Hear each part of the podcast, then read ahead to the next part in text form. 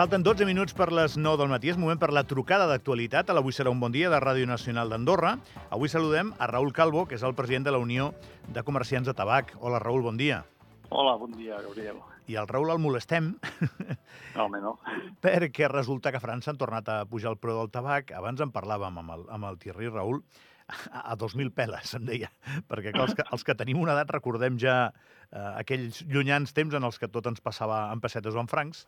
I, Sí. i home, és que són molts diners, però clar, aquí amb tu començarem tractant la vessant estrictament comercial i del negoci en el que tu et mous, perquè aquest nou augment de preu com ens afecta d'avui per demà?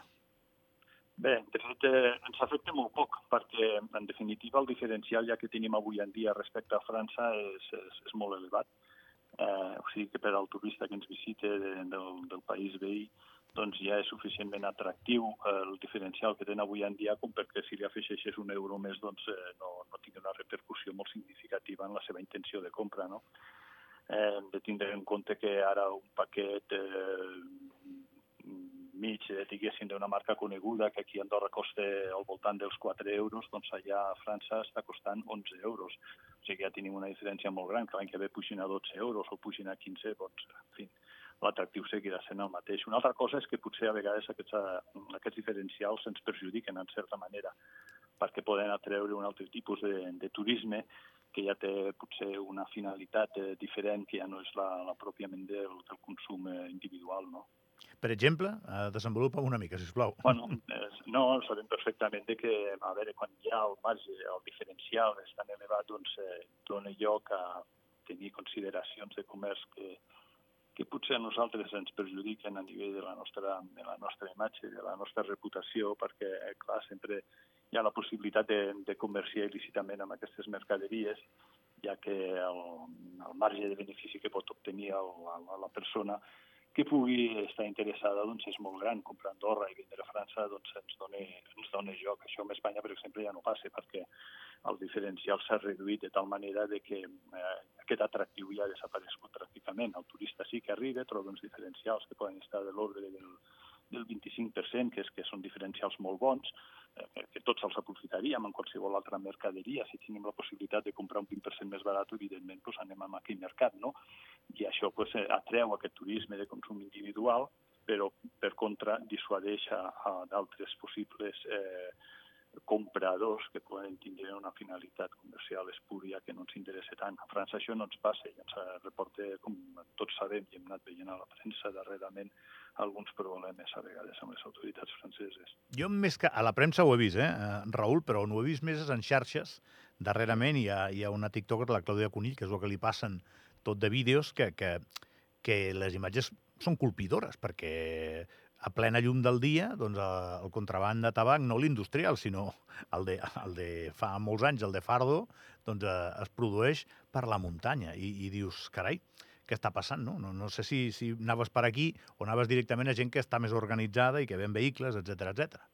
No, no, és, és, és aquest, és, això és una reminiscència que estem patint ara d'altres temps d'aquí d'Andorra, que, en fi, que els he conegut jo perfectament, perquè ja fa molts anys que vinc amb aquest mercat, que els hem superat i ara resulta que estem eh, visquent encara aquesta herència de, doncs, en relació al mercat francès amb, una, amb, amb un esquema que és eh, certament diferent, perquè no és l'Andorra típic que abans eh, doncs es dedicava a aquesta activitat, potser per guanyar uns diners, ara són eh, gent que venen, que són francesos, en definitiva, que mouen aquestes mercaderies, que generen uns volums que tampoc són rellevants. Si anem a mirar les estadístiques de, de, de penetració de tabac forani a França, doncs la veritat és que tampoc és Andorra el que hauria de ser quantitativament la preocupació per al mercat, eh, de, de, de, per al mercat francès.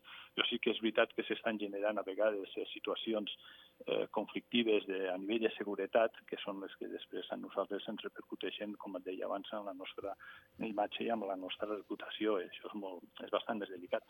A França reben tabac degut a la política que estan duent a terme restrictiva contra el tabaquisme basada en, en, temes fiscals, doncs, eh, clar, es rebent, eh, estan rebent penetració d'exterior d'altres països que són comunitaris, o, eh, socis seus de la comunitat de la Unió Europea, com Espanya, com pot ser Luxemburg, com pot ser Bèlgica, o països de l'est, Polònia, en fi, reben quantitats ingents de, de tabac entre a França i les quantitats, com dic, quantitativament que reben d'Andorra són totalment insignificants Però, clar, Andorra, quin problema hi ha? Per començar, Andorra ja és un país tercer de la Unió Europea. No estem a dintre de la Unió Europea, hi ha una frontera, hi ha una duana, i hi ha una sèrie de persones doncs, que metafòricament volen per damunt d'aquesta aduana per obtenir uns eh, beneficis addicionals amb aquest tràfic del tabac.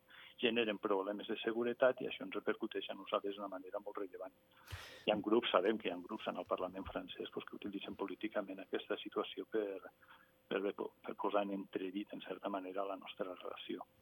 Bé, és, que hi ha, hi ha temes que tenen una transcendència econòmica, tu, tu ho has dit molt bé, i quan vam tenir el problema gros, a l'època en què vam posar doncs, els policies espanyols a la frontera, sí. no era pas pel negoci que passava per allà o per aquelles muntanyes. Era, recordo que era l'època aquella dels barcos, no? O sigui que és en el moment en què això adquireix una proporció en què els governs s'activen, però a nivell d'imatge, aquestes imatges del pas molesten, perquè són visibles. És que és aquest el tema, no? Exacte. És, és un tema que, que, que, que fa mal. I, i, I després a mi sempre em passa el mateix. O sigui, el, el teu sector, el teu negoci, eh, se'l va encerclant i encerclant, eh, i, i bueno, això que hem dit abans, la, la tonteria aquesta de les 2.000 peles, els que tenim una edat, eh, ens fa pensar on s'acaba això. Eh, perquè no sé on s'acaba això, francament, no sé. Perquè dius, eh, al final l'acabaran prohibint, com les drogues dures o què? Bueno, de moment, clar, la, la mesura més immediata i és efectiva, eh, és aquesta, no? Realment el que està fent el govern francès, jo entenc que políticament és molt legítim i és la seva opció de desincentivar el consum del tabac a base de doncs, encarir-lo eh, enormement.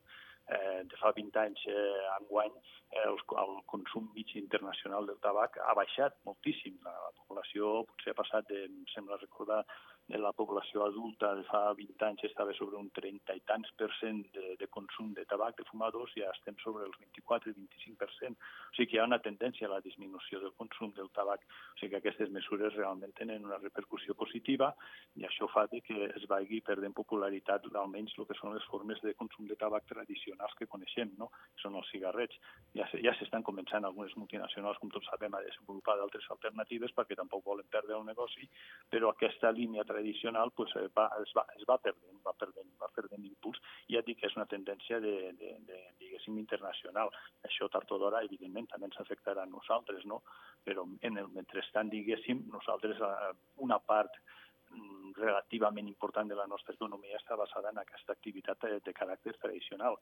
I també hem de tindre en compte una cosa, que tampoc ens hem de complexar ni molt menys, perquè Andorra, com a país, ha fet moltes coses per realment eh, controlar diguéssim, la venda lícita del tabac. Eh, nosaltres com a comerciants, com deies abans, cada vegada estem eh, més, eh, més normatives, més constriccions, més problemes a l'hora de portar uns controls adequats perquè aquesta activitat il·lícita no sigui tan fàcil de dur a terme. O sigui Andorra ja s'implica i fa moltíssimes coses i d'aquí que els volums hagin disminuït de manera eh, dràstica durant aquests últims anys per això que no ens hem de sentir malament. Andorra ja esmerça molts recursos de, de seguretat, d'agents de policia i d'aduanes a vigilar precisament que aquesta activitat no augmenti o en tot cas tenir-la controlada al màxim possible. I que en aquest sentit no hem de tindre una sensació de, de, de mala imatge. Hi ha un tema, Raül, que és la, la diplomàcia del tabac. eh, quan, quan a França pugen el preu, hem de pensar que aquí l'acabarem pujant aviat també o no? Bueno, nosaltres estem referenciats amb el, amb, tal com diu la llei de preus mínims de, de venda del tabac, amb el mercat menys dient, i en aquest cas és l'espanyol. Aquí què patim nosaltres? Que França té una política molt agressiva amb els preus, com comentàvem abans, per contra Espanya potser és més laxe. I de fet ens trobem que les diferències de preu entre Espanya i França són doble mitat. Doncs què passa? Que nosaltres estem aquí al mig referenciats amb preus d'un país que té una política relativament menys agressiva que, que França, per contra, França va augmentant els preus i nosaltres cada cop estem més diferenciats d'aquests preus de, respecte a França.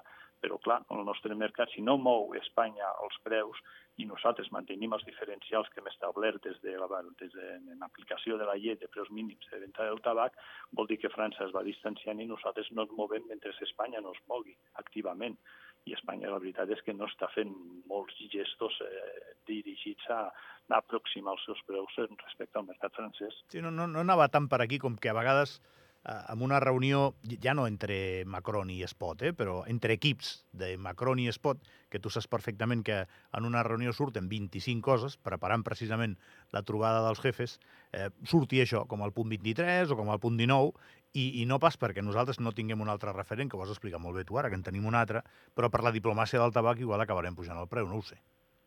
No crec, eh? No, no està en la línia política que, que almenys... Que estem seguint. Eh, estem seguint ara en aplicació de, de la llei de preus mínims. Està establerta ja. I, de fet, els diferencials, hem de pensar que el diferencial màxim està al 37,8% i hi ha marques de referència que estan en el 20 i tants per cent de, de diferencial, o sigui, bastant per sota dels màxims que podrien que, que podrien eh, tenir ara mateix. Fins i tot podria donar-se la circumstància de que a Espanya puixessin els preus i a Andorra algunes marques no tinguessin ni per què tocar-los perquè encara no han arribat al màxim diferencial autoritzat per llei. O sigui que la nostra política està enmarcada dintre del que és l'aplicació d'aquesta legislació. Ens ha molt bé trucar-te, Raül. Ens has centrat com està la cosa. Molt bé. Moltes gràcies. Plaer, gràcies a vosaltres. Que vagi molt bé. Raül Calvo és el, el president de la Unió de Comerciants de Tabac d'Andorra.